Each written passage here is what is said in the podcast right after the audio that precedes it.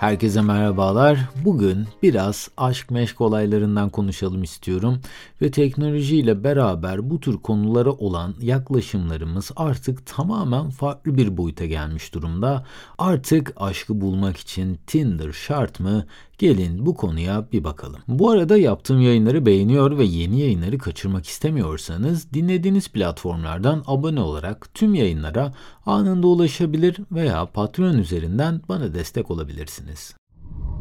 Teknolojinin gelişmesiyle birlikte artık algoritmalar her şeyi bizden daha iyi bilir ve neredeyse bizi kendimizden daha iyi analiz eder bir hale geldi. Bir restoran aradığınızda sizin en fazla keyif alacağınız ve damak zevkinize uyan en iyi restoranları bu algoritmalar kolayca bulup önümüze getirebiliyor ve bazen de aldığınızda sizi mutlu edecek eşyaları, çok fazla mutluluk verecek eşyaları bütçenizi aşsa dahi bu algoritmalar yine bulup bizlere sunuyorlar. Nereye tatile gideceğimizi bile artık bu algoritmalar, bu programlar bizlerden daha iyi bilir bir hale gelmiş durumdalar. Madem bu algoritmalar bu kadar akıllı ve bu kadar iyi analizler yapabiliyorlarsa bizler için neden hayatımızın aşkını da bulmasınlar?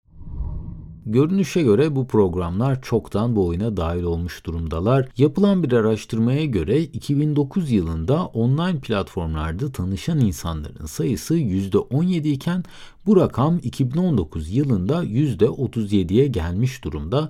Peki bu online platformlar cidden çağımızın masum çöp çatan araçları mı? Eminim ki bu platformlardan tanışıp güzel ilişkiler yürütenler de vardır. Fakat madalyonun öteki yüzüne bakmadan bu konuyu es geçmemiz ne yazık ki mümkün değil. İzlemediyseniz Netflix'te yayınlanan Tinder Swindler belgeselini izlemenizi tavsiye ederim.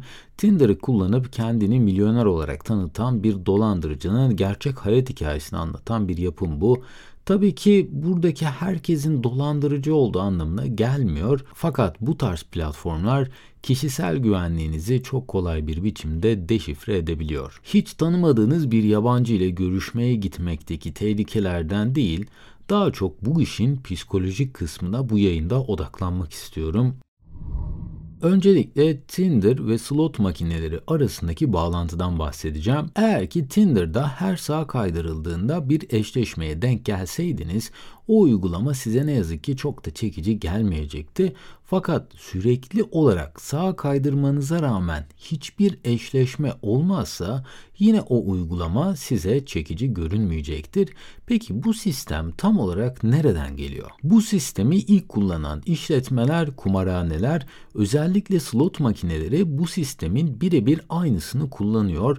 Kazanabilme ihtimali bir ödül mekanizmasını tetiklediği için beynimiz sürekli olarak o ihtimalin peşinden koşuyor. Pek çok kumar bağımlısını da bağımlı hale getiren şey aslında bu dürtü diyebiliriz. Fakat Tinder bunu bir adım daha ileriye taşıdı. Flört uygulamaları bu işi oyunlaştırarak kaydırma eyleminin kazanma dürtüsünü tetiklemesi için sadece belirli aralıklarla kullanıcılara eşleşmeler sunmaya başladılar. Yani her eşleşmede kullanıcıların ağzına bir parça bal çalarak bu işi en üst derecede bağımlılığa getirebilecek sistemi başarıyla inşa ettiler.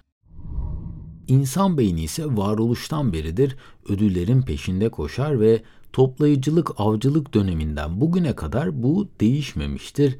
Yemek, su, barınak gibi temel ihtiyaçları karşılayabilmek için ortaya çıkan en ufak bir işaret beynimiz tarafından hemen fark edilir ve bunun sonunda bir ödül olduğunu da bildiğimizden dolayı bu bazen işte karnınızı doyurma veya tehlikelerden korunma olabilir. Beynimiz ödüllere odaklı hareket etmeye programlanmıştır. Aslında flört etmenin amacı daha derin bağlantılar kurabilmek için ortak noktalar bulmak iken flört uygulamaları flörtün kendisini düşük maliyetli ve yüksek ödüllü bağımlılık yapan bir oyuna dönüştürmeyi başardı. Peki istatistikler neler söylüyor bu konu hakkında? Bir de bunları inceleyelim. 2023 yılında yapılan bir araştırmaya göre flört uygulamalarını dünya çapında kullanan insan sayısı tam tamına 323 milyona ulaşmış. Tinder kullanan insanların %40'ından fazlası ise zaten bir ilişki içerisindeymiş. Hatta bir kadınla buluşmaya giden erkeklerin %22'si bu görüşme esnasında Tinder'ı kullanmaya devam ediyormuş. İşin bir de psikolojik yanı var tabii ki. Flört uygulamalarını kullananların normalden 3 kat daha fazla stres ve endişe duygusu yaşadığı bulunmuş.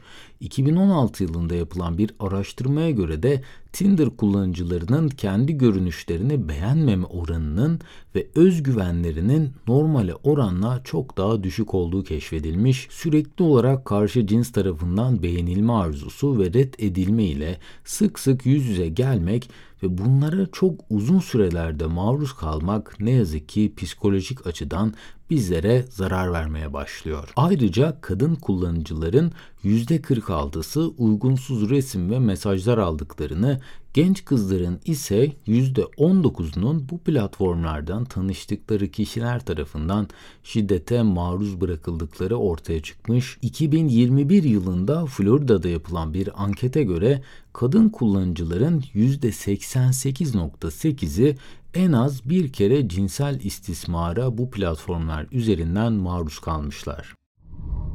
Bu kadar olumsuz vakanın ardından bu platformların son durumunu merak edebilirsiniz. 2020 yılında pandeminin olması ile Tinder bir günde sadece bir günde 1 milyar kaydırmaya ulaşmış. Hinge uygulamasının indirilme sayısı %63 oranında artmış. Bumble ise günlük kullanımının %70 oranında arttığını medya ile paylaşmış. Şu an Amerika'da ise yeni tanışan çiftlerin %40'ı online uygulamalar üzerinden tanışmışlar ve bu oran aynı cinsten olan çiftler için ise tam olarak %65'e ulaşmış durumda. Gördüğünüz üzere bu işin hem olumlu hem de olumsuz yanı var. Tamamen bu platformları suçlamak ve sadece bizlere zarar verdiklerini söylemek oldukça zor. Fakat bu uygulamalar bu gönül işlerinin büyüsünü bence biraz kaçırdı gibi. Ben liseye giderken bir kızla tanışabilmenin tek yolu o kızın karşısına çıkıp bir iki kelime edebilmeyi gerektirirdi ya da bir mektup yazmanız lazımdı. Bu tür şeylerde büyük bir özgüven gerektirir ve bence artık özellikle çoğu gencin bu olaylar için sahip olduğu özgüven uçup gitmiş durumda.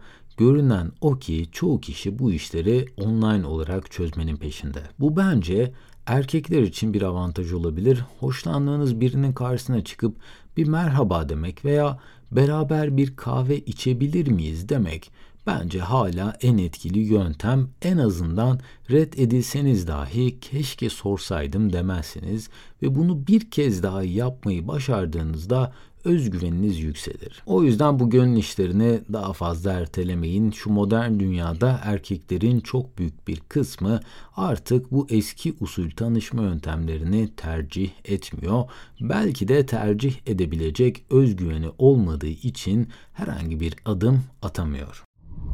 Bugün de böylelikle bu yayının sonuna gelmiş bulunuyoruz. Umarım sizlere faydalı bilgiler sunabilmişimdir.